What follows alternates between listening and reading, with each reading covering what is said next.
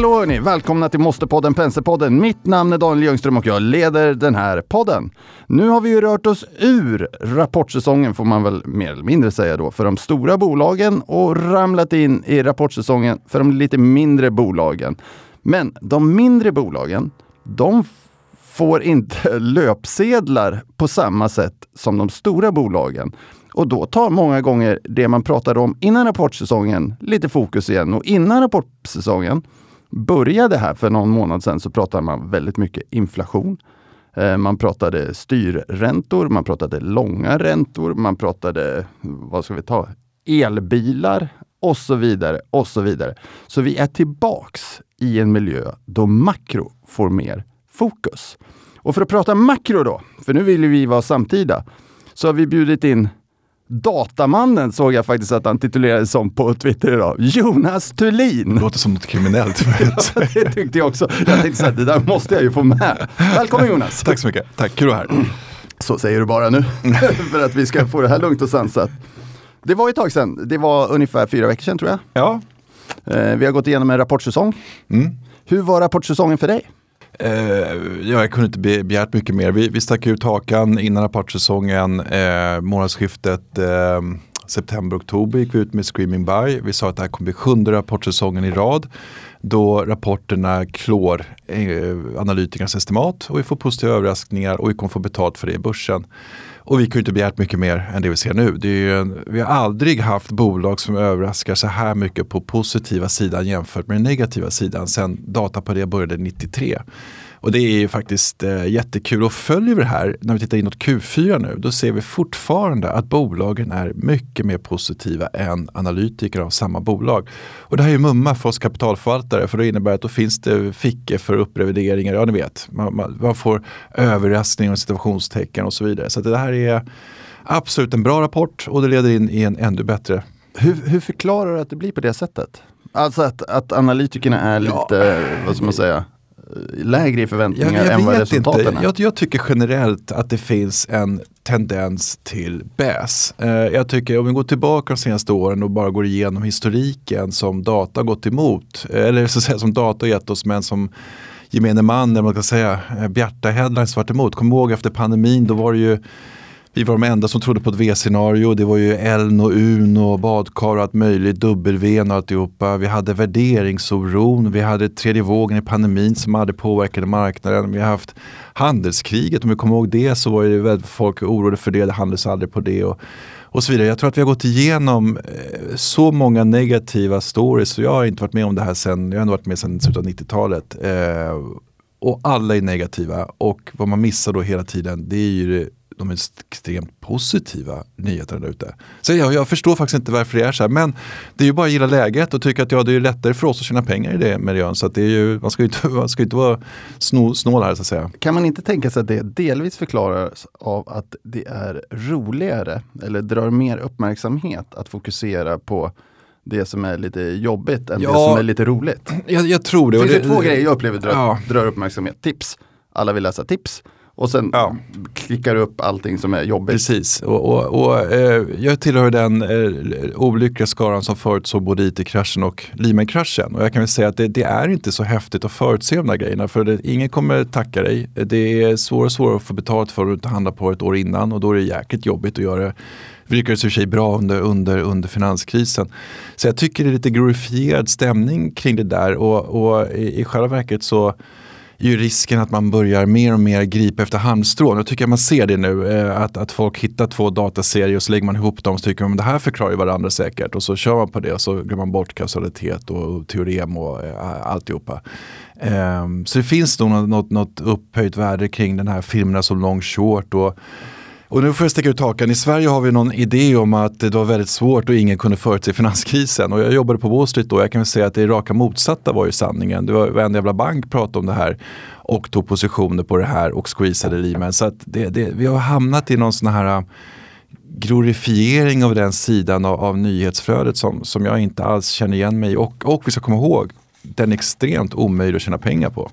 Ja, det, det, finns ju faktiskt, eh, det, det, finns ju, jag har faktiskt läst någonstans, jag kommer inte ihåg exakt var, eh, men, men eh, någon kan säkert påminna mig att det, det var någon som sa att man man har förlorat mer pengar på att försöka undvika kriser än Mm. att faktiskt genomlida kriserna. Det vill säga att man, man säljer av för tidigt och Ja, man, man deppar ihop och eh, skyddar Ja. sig på olika sätt och vis. Istället för egentligen bara stå på långsiktigt. Ja, och- och sen så får vi inte glömma det. det. Jag tycker den här studsen i oktober, september var så talande där vi gick ut med ett screaming buy för att få folk att vakna till lite grann att, att det här är ett köpläge, någonting annat. Du ska inte kliva av börsen. För att studsarna som kommer nu, då marknaden drivs av politisk risk exempelvis, eh, de är så pass volatila så de är extremt svåra att komma in i om du inte sitter och, liksom dagligen monitorerar det här eller då har is i magen och eventuellt gör en omallokering för att hantera risken. Eh, för den studsen kommer snabbt och, och är ganska svår att fånga. Och du har helt rätt, statistiskt sett så är det ju betydligt värre att missa de bästa uppdagarna som att det kommer på botten än att fånga de värsta neddagarna. Och sen vet jag att folk håller på med olika grafer kring det här och alltihopa. Men om man gör en, en, en liksom mer akademisk studie och tittar långt tillbaka så, så är det otvetydigt så att så ligger sanningen. Man, man brukar ju kunna använda begreppet zooma ut lite grann. Och, och man ibland zoomar ut på, på så här general, alltså ett, ett svenskt börsindex eller i princip vilket börsindex man vill då. Och så tar man det över, över 10, eh, säg, säg 30 år då. Eh, Då, då de här, det man pratar om som stora kriser, det syns knappt. Nej, men titta på Eh, september nu. Då var det ju väldigt mycket, nu såg jag att det var tre storbanker ute förra veckan som blev positiva på börsen. Och det är väl, det är väl kul, så här sex, sju veckor för sent.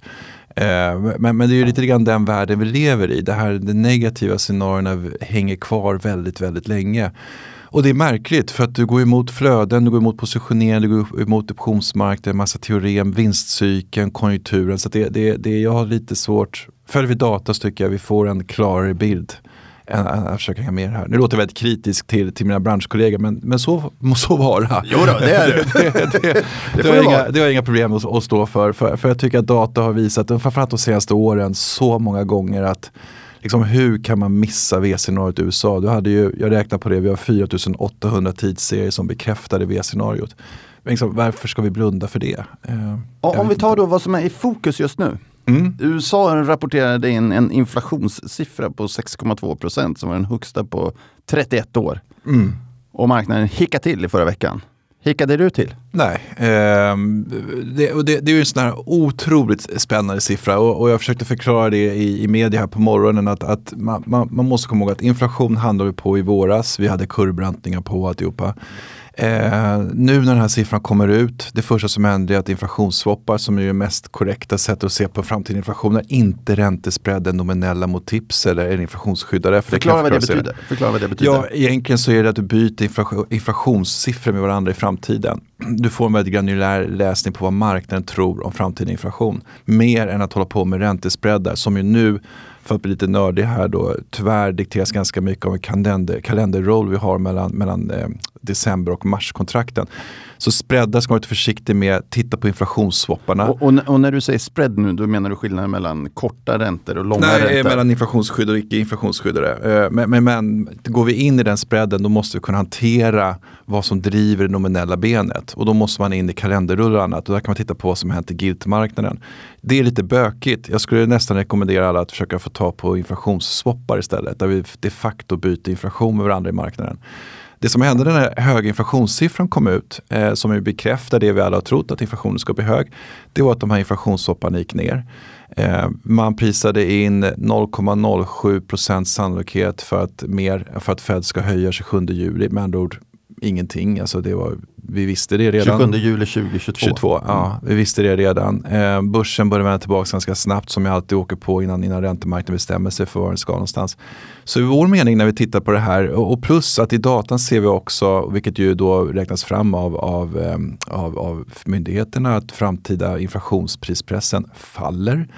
Eh, vi får Cleveland Fed som går ut med att säga att ett års inflationsutsikter kommer ner kraftigt. Fem års inflationsutsikterna kommer ner. Givet den här alltså säga, spelplanen så, så får ju vi då bilden av att ja, KPI är ju meningslös att försöka handla på. Lite grann som jag skrev i veckobrevet, vad, vad, vilken position ska vi ta på den här siffran? För att när folk går ut och säger att ja, nu kommer inflationen vara hög, då måste man alltid ställa sig frågan och.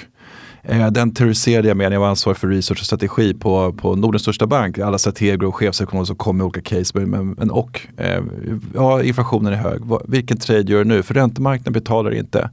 Eh, Fed Fund Futures betalar inte, inflationsswappar betalar inte, börsen betalar inte, value mot growth betalar inte. Ska du undvika aktier, då går du på torsk där också. Det innebär att den här och-frågan blir ganska central. Om jag nu är orolig för inflationen och jag får inte med mig någon marknad, hur ska jag då tjäna pengar på den eh, tesen? Sen kan den tesen få rätt om två, tre, fyra månader. Men, men då ligger ju bättre i båten med att ta av ännu mer då i börsuppgången nu. Än, än att sitta och vara, vara så att säga, lite tjurig i den bemärkelsen. Så, så för oss så var det där och för marknaden då ska jag tillägga en, en siffra som att ja, det var ju kul. Eh, den är hög. Eh, vi behöver inte prisa in mer från Fed. Vi behöver inte prisa in högre inflationsswappar. Utan vi kan ligga sitta, sitta, sitta still i båten. Då, för den underliggande inflationen som ju mäts är fortfarande extremt låg. Och, och vad är skillnaden mellan de två? Ja, vi rensar bort alla outliers kan vi säga. Och det är ju då såklart ingenting jag tycker man ska sitta och göra själv. Utan här ska man nog gå på Akademia och, och eh, bland annat Federal Reserves beräkningar och det här som har, har det, den typen av analys och statistik. Just för att liksom, ta bort faktorer på rätt sätt. Vi kan inte bara ta minus på allihopa. eh, och, och, så, och så vidare. Här, här gäller det liksom att ta bellkurvan och göra en, en, en ordentlig analys. Så, så, och samtidigt då får vi inte glömma att, att tittar vi på Labour share som andel av, eh, förlåt, av, av populationen, tittar vi på eh, bruttomarginalprispressen, tittar vi på positioneringen i marknaden så talar allt för lägre inflation redan. Och då är det ju där marknaden kommer att agera. Vi kommer att agera på det som händer om 3-6 månader. Och det är lite grann där jag känner att, att då är det lätt att man hamnar i den här, ah, marknaden har fel. Eh, inflationssoppan har fel, börsen har fel, inflationen är, är ett hot och bla bla. Men då ramlar man tillbaka till den här att ja, men, men jag har ju redan handlat på det där. Eh, då måste inflationen bli ännu värre än vad vi har idag för att överraska marknaden negativt. V vad är det som gör att siffran blir så hög just nu? Om man tar det. V vad är de liksom stora drivande? Ja, just det är ju motor och, och bensinpriser och alltihopa och därför mycket snack om... Att vi har ett högt oljepris. Ja, och, och, och bensinpris och, då är frågan, ska man då släppa på de här strategiska reserverna från Biden och, och så vidare och vad kommer man göra rent politiskt? Sen får vi inte glömma att Eh, shippingkostnader pratar ju nästan för deflation nu helt plötsligt. Eh, vi vet ju att timmerpriset redan har gjort det. Alla pratar om timmerpriset på vägen upp. Väldigt få pratar om det på vägen ner i, i procentuell tillväxttakt. Och det här är lite intressant. Plus ska vi då komma ihåg, om man då nördar ner sig lite grann i det här.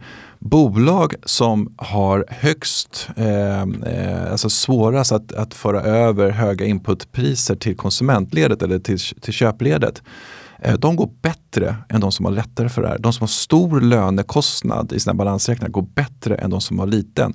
Så det är till och med så att aktiemarknaden lite uppkäftigt går rakt emot KPI och säger att vi kommer premiera de bolag som har svårast att hantera KPI. Det skulle ju inte marknaden göra, tror jag. För jag upplever ändå att marknaden oftast är mer rationell än, än 99,9% av alla män, människor. och, eh, det, det, det, Trots att den inte är riktigt rationell. Nej, precis. Eh, den är ju ändå på något sätt facit, eh, i alla fall för oss kapitalförvaltare i den, i den bemärkelsen. Och, och, och där, där upplever jag att, att eh, det, det bör man lyssna på för, att, för annars är risken att man får den här höga siffran, man blir orolig Ja, och då är frågan, ja men kliv av börsen då. Men, men du har ju en rad teorem, du har en vinstcykel och så vidare och så vidare som går emot dig. Om, om, man tar då de här hamnarna till exempel, vi pratar transporter. Ja. Eh, och det är lite kul att följa de här hamnarna och jag ser att du har lite bilder i, i ditt material ja. också. Hur är situationen? Man pratar om Los Angeles hamn, det ligger jättemycket båtar, höll jag ja. men, men det är väl ett svagt uttryck. Så, stora, stora, gigantiska eh, skepp ja. med containrar. De väger flera kilo. alltså, det, det, är svårt att beskriva, men jag tycker folk ska Nej, kolla det, på det, bild ibland på sådana där båtar. Ja, då, det, absolut. Och, och, vi ska sticka här nu, det är väldigt kul också att läsa eh, om, om utvecklingen nu av ihopfällbara containrar som är då halva storleken 20 fots. Men bara det att marknaden nu investerar mycket för att kunna, för kan vi fälla ihop containrarna, då underlättar vi extremt mycket i transporter runt i landet. Och, och de bolagen, det är ju faktiskt nästan ett litet eh, tips här, för att de, de bolagen är extremt intressanta kopplade till Bidens paket. Eh, vi har gjort några sådana investeringar. Det, det är bra utveckling på dem på, på börsen kan, kan jag väl säga. Ehm, men tittar på handelsstatistiken då så är det roliga nu att vi bara ser en stabilisering och till och med en svag förbättring. Och det kommer sig av att man nu har temporärt infört nya regler. Man får stapla fyra containers istället för två på varandra. Av säkerhetsskäl får vi inte ha mer än två för de kan ju faktiskt ramla. Och det är jobbigt om man står under dem då. Men nu får man ha fyra, eh, just för att lätta av båtarna eh, och få bort dem. För att vi mäter ju varje dag hur många ligger förtöjda och hur många ligger för ankare. Eh, och, och när vi ser att de börjar vika av de kurvorna, vilket de ju faktiskt gör nu, nu. Eh, då är det så att det börjar fungera och sen så vill man jobba 24-7 beroende på fackföreningar och beroende på vilken hamn vi pratar om så är det mer eller mindre lätt att genomföra men Biden har gått ut och sagt det. Så det, det händer en del intressanta saker där på, på hamnarna som är kanske till och med viktigare än KPI för att kunna förvalta. Ja, och, det, och jag tror framförallt att det kanske är viktigt för, eh, vad ska vi kalla det då, psykologin. Att det, det ja. blir visuellt jobbigt att det ligger massa båtar och man pratar om de här transportproblemen och så ja, vidare. Precis, precis. Och Ser så, du en liten vändning i det så kan det få stor effekt. Ja, och en vändning som har kommit nu det är ju faktiskt att, att äh, framförallt amerikanska investmentbanker har ju börjat härleda och egentligen skriver det vi redan ser i siffrorna att vi får inte glömma att de här bottlenecks är ju på grund av en extremt stark efterfrågan. Vilket gör nu att precis nu när vi sitter och pratar om det här så reaccelererar amerikansk tillväxt igen i årstakt och i kvartalstakt. Och det är ju superspännande om man då gillar att ligga i börs. För att det här är, är ju återigen, ja KPI kom upp högt men liksom, det är lite yesterday's news. Mm. Om vi har en accelererande tillväxt, det kanske det är överordnat och då måste man räkna på drivkrafter. Och då får vi inte glömma det att varje dag så, så härleder vi vad är drivern bakom börsen. Och så kan man ju då räkna det med en viss granularitet. Vi, vi kör ungefär 25 handelsdagar för det tycker vi det passar vår förvaltning. Man kan ju ta mycket kortare, lite statistiskt vanskligare, lite längre, lite mer trögrörligt. Så det får man ha koll på. Men då får vi inte glömma det att räntor i dagsläget, reala räntor och nominella räntor förklarar ungefär 15% av börsrörelserna. Eh, politisk risk i USA förklarar ungefär 80. Eh, politisk risk damp ner när vinstrapporterna var som hetast för då tog vinsten över och nu är den uppe igen. Så det handlar fortfarande mycket, mycket mer om politisk risk än inflation till att börja med. Så det är lite kul när, när folk sitter och skriver om eh, eh, KPI fram och tillbaka. Jag tycker att det hade varit roligt om man skrev att vi har en, en president i USA som är eh, rekordimpopulär. Det var väldigt kul att skriva om det när Trump var president och någon anledning så skriver inte media om det när Biden är så pass impopulär. Och vilka effekter det kan få på hans politik eh, och varför det är viktigare än, än KPI. För rent statistiskt så, så är det så. Kan vi prata om det? Eh, alltså, för, för Nej, kommer... jag upplever att vi har lite grann, vi har, vi har en par diskussioner i Sverige som är lite stigmatiserade. Det ena, det ena är bettingbolag som vi, vi är lite stigmatiserade kring eftersom det är en no-no enligt EU. Men vi, vi har en annan förkärlek för den typen av verksamhet i Sverige. Eh, vi har det här med Trump-Biden som är fortfarande extremt inflammerat. Men vi går ändå in i ett mellanårsval nästa år eh, där vi måste beakta de här sakerna. Så att vi har idag när vi tittar på konsumenterna så är det ju färre idag i USA som tror att vi är på väg åt rätt ekonomisk riktning. Eh, eh, sen det var alltså det lägsta sedan 2012. Så trots Trumps alla galenskapsgrejer som han höll på med eh, så skapar han hela tiden en bättre framtidstro för eh, ekonomin än vad Biden har gjort hittills. Ja, den, den är ganska snabbt avtagande den är kollapsande skulle ja. man kunna säga. Och, och Biden, Biden, Biden är väl nu, han är inte botten tre, men, men, om inte siffrorna går upp snart så, så är han, han är, han är på Truman, eh, H.W. Bush eh, och Nixon nivåer. Där var ju trots allt aldrig Trump. Vad är det som har gjort att han har hamnat där? Är det, är det typ Afghanistan och så vidare? Ja, dels det. Sen, sen får vi inte glömma att det finns en naturlig swingfaktor här i USA som är ganska stor. Rent statistiskt så är den nästan den största förklaringsvariabeln och det är det att äger du alla husen då får du, då får du kritik politik oavsett, liksom, oavsett vad. Och så har det varit varenda gång vi har samma parti i kongressen, representanthuset, eh, kongressen och, eh, eller förlåt, senaten och, och eh, Vita huset.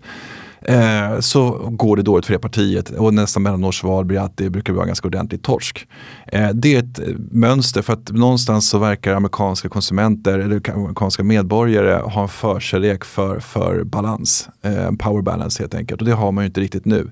Och då blir det, eh, rent statistiskt så är det den starkaste förklaringen. Eh, sen så kan man hitta sådana saker som, som accentuerar situationen såklart. Jag menar Afghanistan, vi har ju det här snacket om alla de här stödpaketen som tar ju väldigt tid. Och det är ju på grund av demokrat, demokraternas inhouse fighting. Det är ju inte republikanerna alla gånger som, som är, är, är problemet här. Jag, jag hörde senast i morse faktiskt att det lät som att Kina och USA lättar upp stämningen lite grann. Kan det vara en mm. del i hans försök att bli lite mer populär? Ja, eh, om ni kommer ihåg det här så kallade handelskriget som vi sett upp så alldeles enormt. Så får inte glömma det att Biden har inte backat en tum på det här. Trots att han tyckte att eh, Trump var den sämsta handelspersonen någonsin. Eh, och, och, det är lite kul, men det behöver, pratar man inte heller om riktigt. Men, men vad han nu har gjort är att han har gått eh, lite hårt fram på Kina och sagt att nu får ni faktiskt infria avtalet som, som, som trots att Trump skapade för, för att komma igång med första fasen på att börja handla mer med USA för att ändra handelsbalansen lite grann. Eh, och sen allt kring intellectual properties och allt det här, det ligger kvar eh, på bordet. Och eh, Kina trycker tillbaka USA lite grann på att ja, men då får ni ta lite hands-off på, på Taiwan eh, och inte hota status quo där helt enkelt. Eh, och, och, det verkar som att de verkar lite grann överens om det där. Och Kina gav också uttryck för att de, de önskar att, att eh, se ett USA som inte kastas så tvärt mellan olika policies.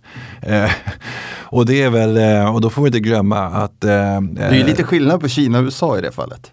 ja, ja det, det, det ena blir lite mer stabil än det andra i det, den bemärkelsen. Och, och, Trump, som jag brukar försöka påminna folk om, man får ju absolut inte tro att Trump är borta. Han har aldrig försvunnit, han har aldrig varit mer aktuell än han är nu i amerikansk politik. Så mellanårsvalet, riksrätt för Biden, allt det är kvar på bordet.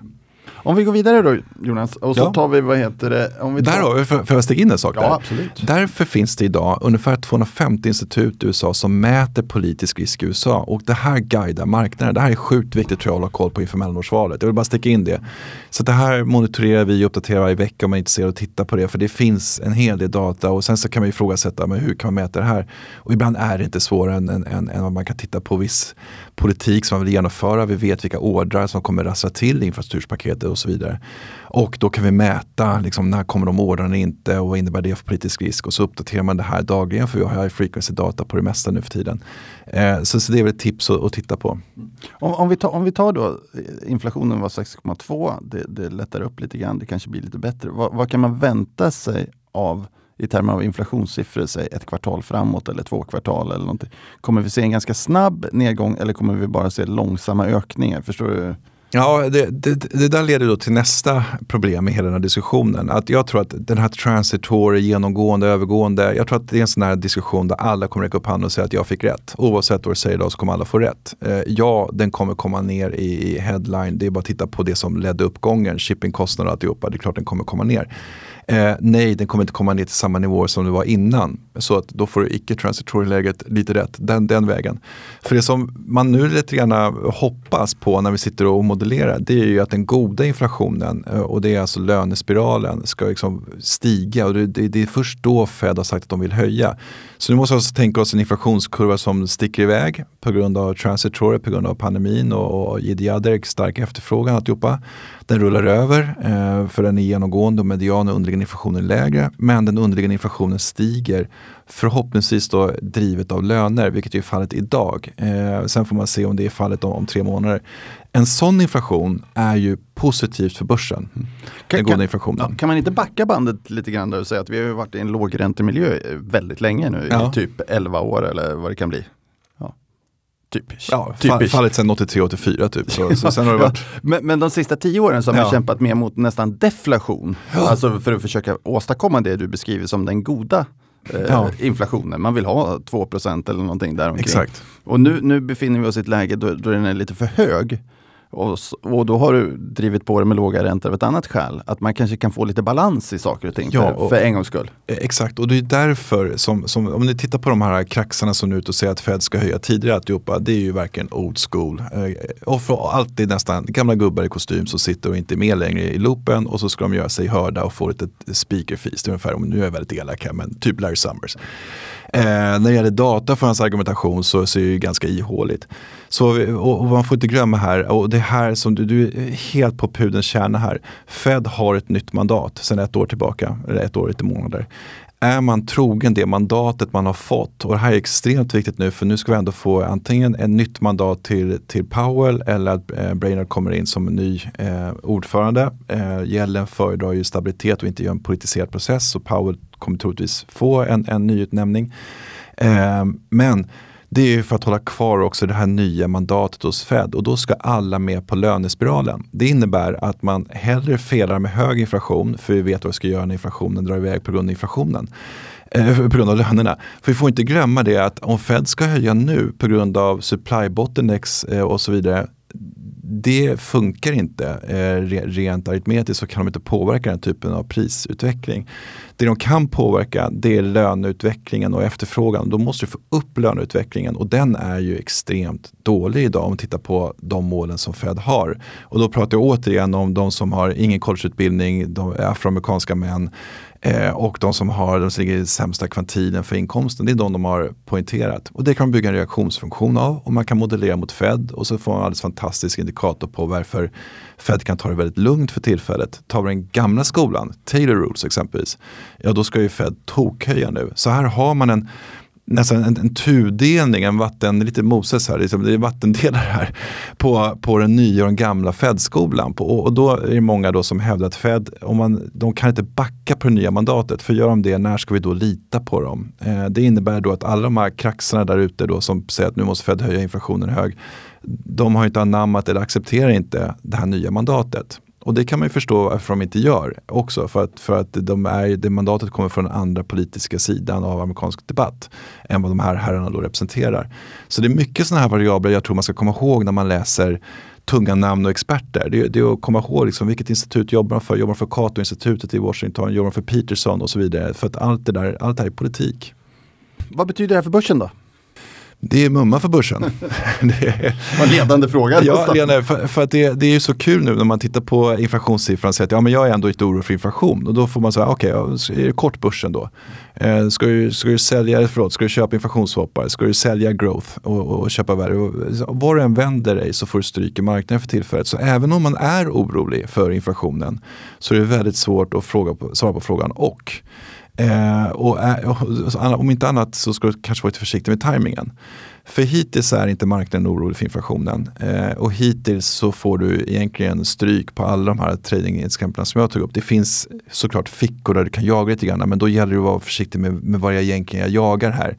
Eh, ta, ta spreaden nominella räntor mot tips exempelvis. Den drivs mycket nu, den här kalender och eh, som kommer och givet det som hänt i giltsmarknaden och så vidare. Och då måste du dra ut de effekterna. Ska, ska vi bara nämna vad kalendereffekten i räntemarknaden ja, det, är? Det är helt enkelt att, att futures rullar från december in i marskontrakten. Och, och det där brukar vara en, en walk in the park som man skriver så vackert i, i, i nyheterna här på morgonen. Men, men vi kan se att givet att likviditeten är så pass tunn så får det stora effekter. Och det är likadant när du har stora issuance av, av, av bonds i USA så påverkar 10 eh, swapräntan och den påverkar ju nominella räntan. Så det, det, är mycket sånt där som man måste ha koll på varför du får en spread idag mellan break-evens-räntan som du prisas in mellan nominella räntor och tips och de facto inflationsswappar. Eh, det, det, borde man inte alltid få men du får det i en liten lätt dysfunktionell marknad.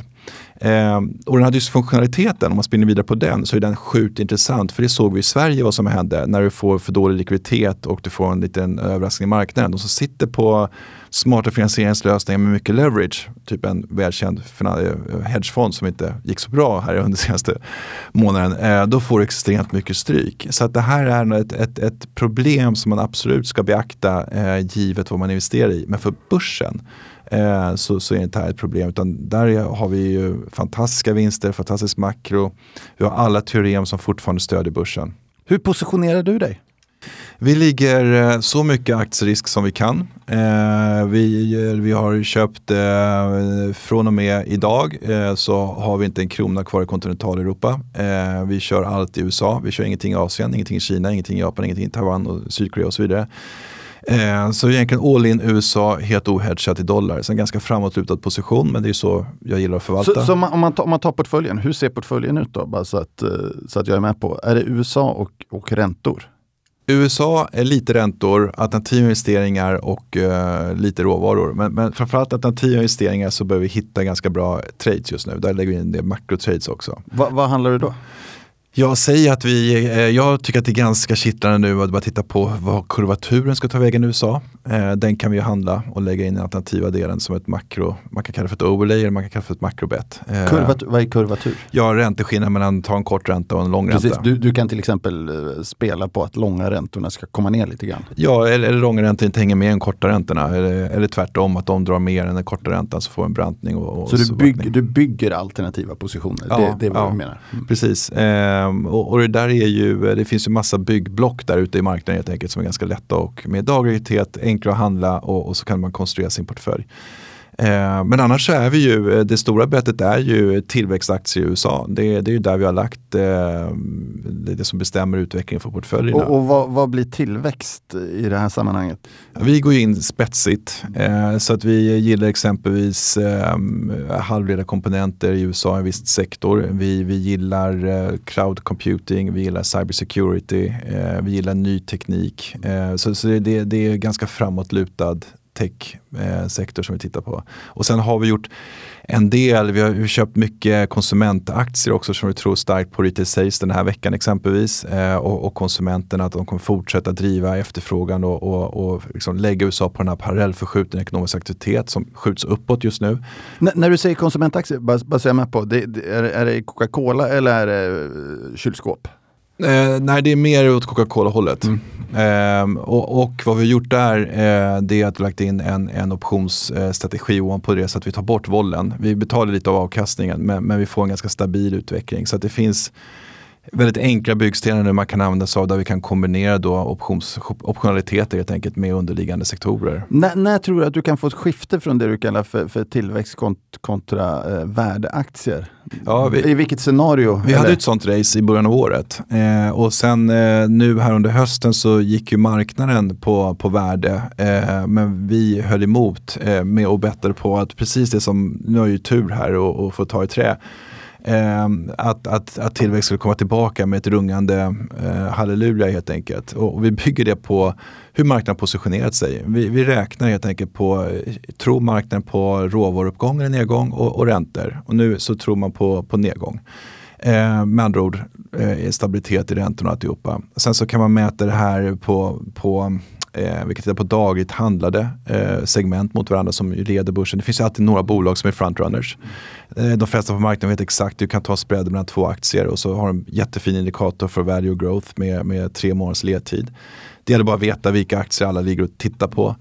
Eh, och, och, sen så eh, är det så också att kurvaturen i USA bestämmer ganska mycket om value mot growth. Men det där är en, en liten komplex diskussion för att det räcker inte med om kurvan brantar eller flackar, man måste också veta om den brantar eller flackar på grund av att folk säljer eller köper räntor. Så det är fyra eh, matriser, fyra rutor helt enkelt. Som vi måste modellera in värde mot growth emot och den pekar ju också just nu på, på growth. Mm. Ett, ett område som vi inte har pratat om så mycket annat än att vi har nämnt det, det är ju faktiskt Kina. Eh, mm. Och Kina var ju också lite i fokus. Eh, både inför och under rapportperioden får man mm. säga mer eller mindre med, med de här fastighetssektorn och de här ja. stora krediterna och så vidare. Där det skulle ju bli ett Lehman innan vissa eh, kommer ihåg alltihopa. Det, det var intressant. Vad händer där? Nej, det händer ungefär det som, som eh, vi var på. Att, att vi får inte glömma, vi drog ur Kina i våras eh, och Taiwan också. Vi hade investeringar i bägge de eh, länderna, eh, eller autonoma regioner vad du ska kalla det för. Eh, men inte längre. Och skälet till det var att man i våras gick ut och sa, hörni kära marknad, vi kommer eh, knäcka fastighetssektorn. Och då blev ju marknaden nervös och vi ju alla drog i stort sett. Eh, sen, så, sen har de ju egentligen bara förverkat det de har sagt hela tiden. Eh, och det intressanta nu är att, jag brukar säga det att Kina är ju en, en, extremt duktig, de är bättre på kapitalism än vad vi är exempelvis. De är ute och managerar, bättre ska man vara försiktig med att säga, men, men de, de, de arbetar. Annan kapitalism? Ja, de arbetar väldigt aktivt i marknaden med likviditeten för att guida marknaden. Och där väntar vi och andra på signaler för att hitta då ett, ett stabilt köpläge. Nu vet jag att vissa har gått in redan eh, och, och, börjat köpa Kina. Eh, vi har valt att inte göra det än för jag vill ha lite starkare signaler innan, innan vi gör det i, i datan helt enkelt. Så för oss så, så har det här varit eh, lite grann av ett eh, inte ett icke-event, men, men, vi kontrollerar ju om det sprider sig. Men vår tes var ju att det här kommer inte sprida sig. Det går inte att jämföra med Lehman på det sättet. Ehm, och då ska vi egentligen bara ha is i magen tills vi tycker att vi har tillräckligt starka signaler för att gå in och köpa själva. Vilka är de stora frågorna just nu, när du sitter i kundmöten och annat? Vilka är de stora frågorna som kunderna eh, återkommer till? Ehm, en fråga som jag trodde skulle dykt upp här nu, det är ju valet i Sverige och, och valet i USA. Det har inte riktigt dykt upp än. Ehm, det är ganska få kunder som är oroliga för inflation. Eh, både bland institutionella kunder och, och ehm, eh, eh, privatpersoner. Eh, utan jag tror att den största frågan folk har, det, som dyker upp ibland, det är ju ska jag ha räntor i portföljen eller inte?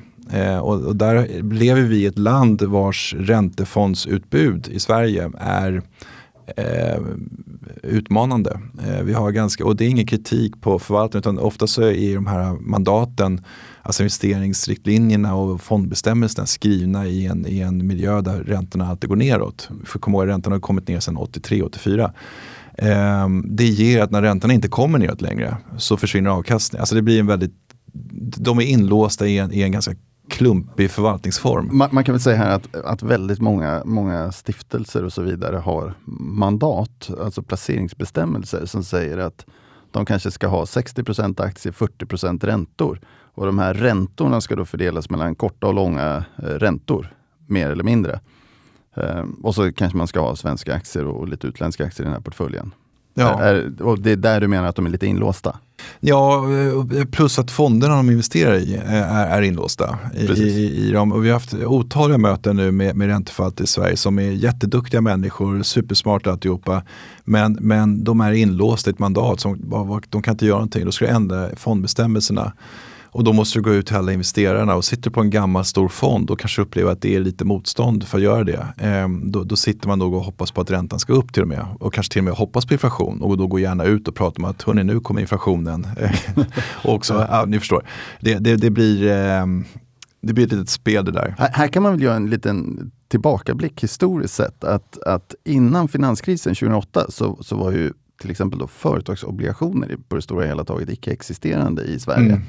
Eh, sen när bankerna fick lite problem, då blev ju företagsobligationer ganska stort för banker, eller företagen gick förbi bankerna mot svenska investerare. Och jag kommer ihåg Volvo tror jag gav 10% eller någonting eh, vid något tillfälle. Och det kändes som hygglig avkastning för många och sen växte marknaden. Men innan dess så, så var räntemarknaden i Sverige, det var statspapper.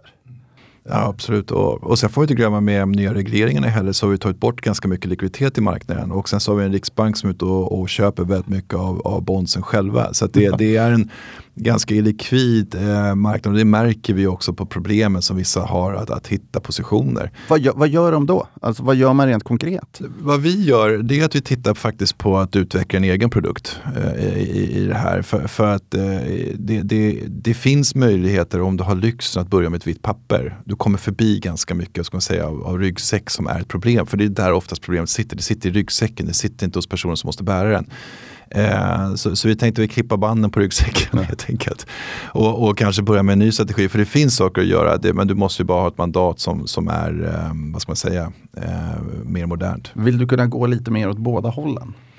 Ja, absolut. Eh, och, och Eller vill du bredda eh, typer av placeringar? Nej, det ska fortfarande vara räntor. Det ska fortfarande vara, vara kronor. Men, men eh, det finns ju massa nya produkter som dyker upp eh, i, i bondvärlden i Europa. Så, så det, det, finns, ja, jag ska inte säga för mycket, men vi håller på med, med, med ett projekt för att titta på vad kan vi göra Um, med en väldigt bra avkastning och alltihopa. Så, så det, det, det jag hoppas på att få återkomma på. Och man, och man kan ju tillägga att det finns en större kreditmarknad i Europa men problemet där är ju att den är en annan valuta. Ja, som stänger ut en hel del investerare ja. också. Och då, precis, och då får jag ju swappa tillbaka det men då, då, måste man ju också bygga upp, måste ju jag då bygga upp en kompetens inhouse på att oh, nu ska behöva handla basisar eller någonting annat. Vi vill inte bara göra valuta forwards. Och, och, och det är ju en kompetens eh, som man måste ta med sig och hur, hur, hur förankrar vi det i våra system och, och i vår personal. Så det, som ni förstår, det, det, det, det är en del puckar att lösa. Ingen svårt men, men det, det är mest bara att det tar lite tid. Förra, förra gången du var här så hade vi ett långt och mycket invecklat resonemang kring optioner. Mm.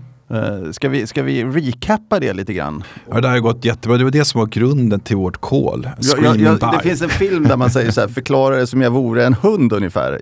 Förklara för mig ungefär som jag vore en hund vad det här innebär. Ja, nu gillar ju inte jag hundar så att det blir... Jag älskar hundar. vi, vi kommer på kant på en gång här. Nej, men, men egentligen, det, det, jag skulle säga att det, det viktigaste, där vet jag att det finns ett bra, jättemycket duktiga människor på Twitter också som sitter och tittar på det här. Det, det, om, man, om man tänker sig option som ju eh, rör sig, priset på optionen diffar för att priset på aktien rör sig, då ändras priset på optionen. Eh, då får vi lite delta. Om det där priset eh, rör sig mycket eller lite, då får du lutningen på deltat. Eh, accelerationshastigheten eller andra derivat, vad man ska kalla det för. Det kan man enkelt översätta som gammat. Gammalt eh, i sig kan vi förutse marknaden. Eh, där är vi nog ganska unika på Erik Bank. Vi har en indikator för det här. Men med den indikatorn så kan vi se bottnar och toppar och så vidare i gammalt. Och vet vi gammaexponeringen eh, då vet vi när den blir positiv och negativ. För det vi ska vara försiktiga med det är när gammalt blir negativt. För vad det innebär rent handelstekniskt är att eh, folk som ställer ut optioner måste sälja eh, börsen i när börsen går ner. Och då får man den här negativa självuppfyllande spiralen som vi hade i mars Eh, 2020 exempelvis. Eh, eller här exempelvis i, under, under lite grann i september innan man då kan se studsen. Och hur förutser man då gamma? Det, det, jag, tror, jag, jag, jag, ska inte säga hur för det håller vi lite grann för oss själva men, men många, många som är väldigt duktiga som jag märker chattar på, på Twitter och annat, de är ju snubblande nära på att göra det själva. själva. Det handlar ju bara om att, att verkligen nörda ner sig i hur, hur fungerar den här marknaden, vad är den beroende av? För att många gånger så, så, så har de nästan svaret framför sig själva. Eh, det, det, är inte så svårt. Eh, för är, allt är ju så att säga en stängd marknad vi tittar på. Det är ju bara optioner, det är inget makro och sånt här. Som du har en edge här just nu alltså? Det ska jag definitivt påstå och det var den som vi gick ut med då i månadsskiftet eh, september och oktober och sa att det här är, det här är ett screaming buy eh, för att gammalt kommer vända och, och, den gången fungerade det väldigt bra. Eh, för oss så innebar det egentligen att vi kunde sitta och eh, ha lite is i magen under septembers månads nedgång. Det var en utmanande period, det sticker jag inte under stolen med med tanke på att värde gick bättre än growth. Men vår tes var ju att det här kommer reverseras snabbt tack vare den politiska risken i USA. Då. Och den här gången fungerade det bra, eh, så får vi se om det fungerar lika bra nästa gång. Sen kan vi då kritisera den vyn och säga att ah, men jag vill vara lite kortsiktigare, jag vill faktiskt hinna gå kort under september. Det har jag full respekt för, men, men, men med våra mandat så, så passar inte den typen av vad ska man säga, eh, det, det, blir för mycket transaktioner, det blir för hattigt, eh, det är för volatilt på förvaltning helt enkelt. Vad bra Jonas. Hur, hur, hur avrundar vi den här podden? Vad är det vi inte ska glömma att ta upp? Du har ju 60 slides här eller någonting. Ja, det var nog inte mer här för jag, jag var ju borta här för, för en vecka så ja, det är första gången på, på två veckor. Jag sortera lite för att inte ja. missa något. Eh, corona tycker jag vi kan Corona nämna, kan vi ta ja, det har ja. fått lite uppmärksamhet på sista tiden. Exakt, vi, vi är ju nu i början av vad som ser ut att kunna bli en, en fjärde våg. Eh, och här tror jag återigen man ska ha is i magen när alla går ut och, och varnar om, om corona. För marknaden tror jag kommer hantera fjärde vågen precis som man handlade slutet av andra vågen och hela tredje vågen. Med andra ord, man tar inte in det här i marknaden så länge eh, vad ska man säga, reopening eller, eller mobiliteten, aktiviteten bland konsumenter avtar. Vi har idag ett restaurangläge i USA exempelvis som är bättre än det vi hade före pandemin. Man har helt stängt det här gapet och man, man till och med eh, applicerar siffrorna. Vi har en hög grad av mobilitet nu i amerikanska städer. Vi mäter ju det här i varje stad, eh, inte varje stad men väldigt många städer. Eh, vi mäter ju svenskar rör sig på, på public transports och, och, och, och vad ska man säga, eh, apotek, eh, eh vet det, eh, daglig handel. Och frågan är hur vet vi det då? Ja, det, det, jag brukar säga det att, att uh, hur många läser det när man godkänner uppdateringen i sin mobiltelefon, hur många läser vad som står där på de här 260 sidorna. Uh, där ger du bort din data på vart du är någonstans. Den kan jag köpa. Uh, så, så att, och det gör ju många i marknaden det där ger att så länge inte den här datan vrider sig ner på nedsidan så kommer marknaden inte bry sig om fjärde vågen. Sen så har vi då vissa länder som börjar införa restriktioner eh, och då kan vi mäta hur hårda är de restriktionerna. Där har Oxford universitetet ganska intressant modell för det här som, som vi följer. Eh, där vi då kan titta på varje land i stort sett och se liksom hur givet tio variabler hur pass tuffa restriktioner inför man. För där kommer också marknaden att reagera. Och riskzonen här för marknaden är ju Europa, såklart, kontinentaleuropa. Nu sitter vi i en situation att vi har inga aktier där till att börja med. Så för oss är det här ett icke-issue eh, egentligen. Eh, ur ett marknadsperspektiv. Då. Så, så det är väl lite grann, givet vad man har för risker, givet vilka länder man råkar vara investerad i, så är det den här typen av data jag skulle rekommendera att, att titta på så att man hänger med på att få en realekonomisk effekt som börsen måste hantera. Tror du att inte. vi kommer se liksom såna här, vad ska vi kalla det då, nedstängningar eller mer restriktioner? Nej, jag, jag, tror att man har lärt sig från förra gången att, att eh, det, det, kommer till en vansinnig kostnad det där. Eh, och det kostar väldigt mycket av, av, av skatt och alltihopa och finansiering för att täppa igen hålen. Sen är det vissa länder som, som eh, vill reaccelerera sig ur det här. Eh, vi tycker att det är jättekul med Italien. Vi hade investeringar där tidigare under året. De har vi tagit av nu. Vi tycker det är intressant det som hände i Frankrike före valet. Eh, Tyskland är väl en no-go på det här. Sverige har ju vår eh, tilltänkta statsminister faktiskt också öppnat dörren för att reaccelerera med via fiskala stimulanser. Så det där är, det där är spännande. Eh, de marknaderna kommer premieras såklart av, av, av börsen. Eh, så det, det händer ju saker här från, återigen från politiskt håll.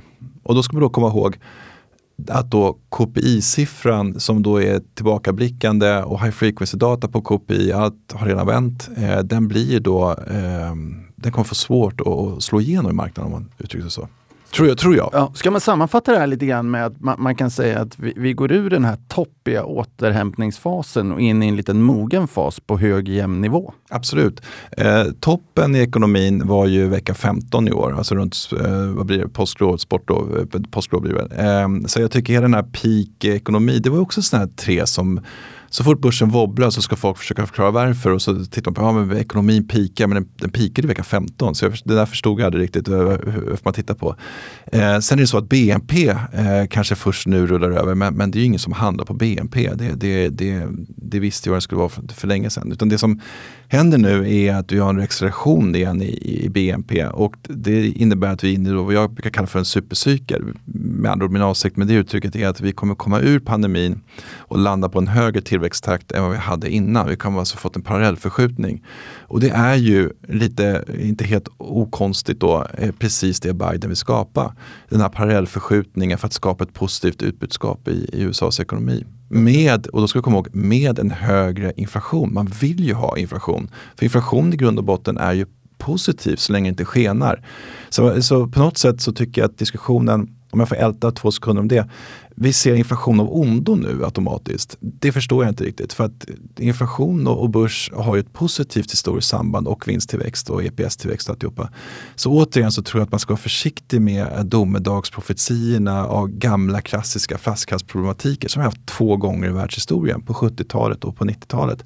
Sen, sen däremellan så att säga och före det och därefter och däremellan så har jag haft en, positiv relation. Så, så att jag tror att eh, det är det jag menar med god inflation. Jag tror att vi måste få en, jag tror att marknaden kommer tvingas till den, vad ska man kalla det för, mogenhet låter lite raderande, men, men liksom den nivån på diskussionen att vi, vi kan hantera skillnaden mellan god och ond inflation. Ja, ja, jag, det är min julklappsönskning. Ja, så när, du, när du pratar, då tänker jag mig ungefär en 400 meters löpare faktiskt. Eh, som accelererar ur startblocken Mm. Och sen så når man sin maxhastighet. Sen är det varvet jävligt långt. Ja, sen slår man av lite på tempot för, för att orka hålla ut länge. Ja. Sen, sen om något år så kanske han får mjölksyra och får pumpa på lite.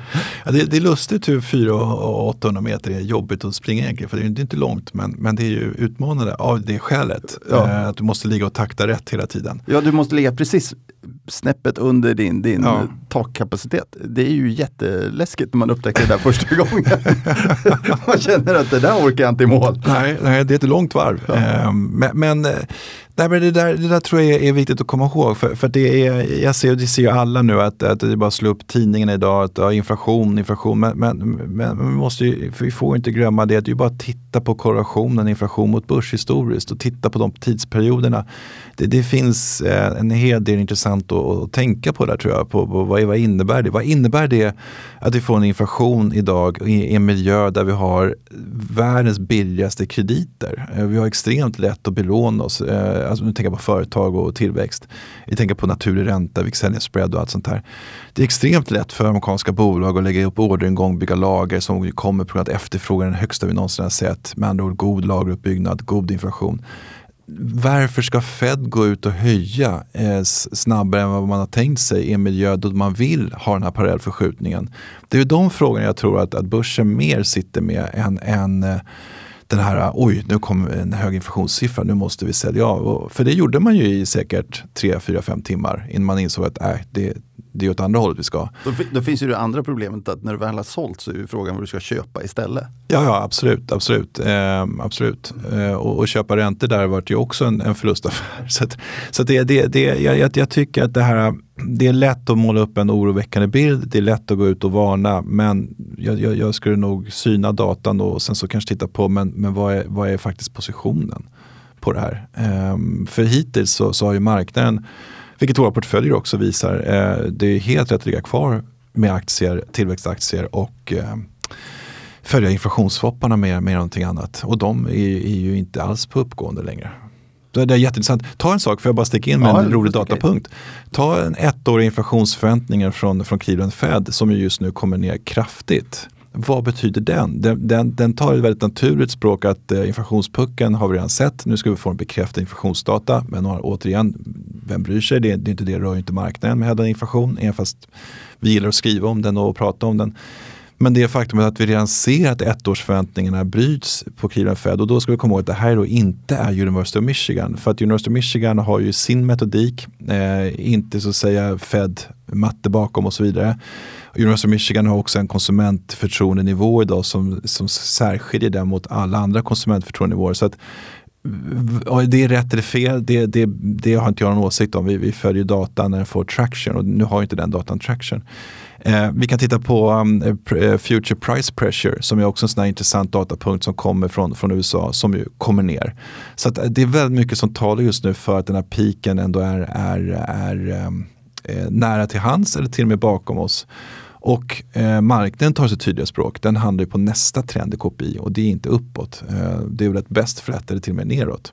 Och, och det är där jag tror man ska hänga med. Ehm, och så får man eh, leva med att, att eh, man får läsa att man har fel hela tiden och att eh, marknaden är blind och dum och inte lyssnar på, på underliggande. För, för att, för att det, det, det viktigaste är ändå om, om börsrackaren går upp eller ner. Det känns lugnande Så att enkelt prata- är det i min värld. Det känns lugnande att prata med dig Jonas. Ja, det vet jag inte. Eh, Nu har jag outat att jag inte gillar hundar så nu får vi kritik för det på något sätt. Men, Oh ja. men, eh, men, Sådana där människor är obehagliga. De ska man vara försiktig med. ja, precis. men, men det, det får jag leva med. Men, men det är så som vi har positionerat oss i våra böcker kan jag säga. Då håller vi tummarna för att du har rätt. Och så syns vi om någon vecka igen. Det gör vi. Tack så mycket. Tack Jonas. Hej. Denna podcast är utgiven av Erik Penser Bank och är avsedd att marknadsföra bankens tjänster. Vissa bolag som nämns kan därmed ha något samarbete med banken i form av fondförvaltning, analystjänster, certified advice-uppdrag med mera. För mer information om dessa tjänster, fondförvaltning och även bankens hantering av eventuella intressekonflikter vänligen se bankens hemsida www.penser.se. Vänligen notera att investeringar i finansiella instrument, inklusive fonder, är förknippade med risk. Historisk avkastning är en garanti för framtida avkastning. De pengar som placeras i finansiella instrument kan både öka och minska i värde. Och det är inte säkert att du får tillbaka hela det insatta beloppet. Ingen del av Penserpodden ska uppfattas som investeringsrekommendation.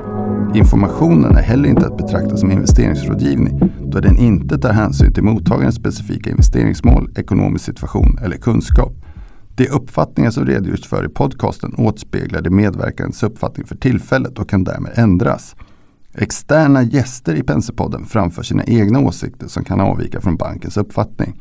Banken frånsäger sig därmed allt ansvar för investeringsbeslut och för direkt eller indirekt förlust eller skada som grundar sig på mottagarens användande av informationen i podcasten.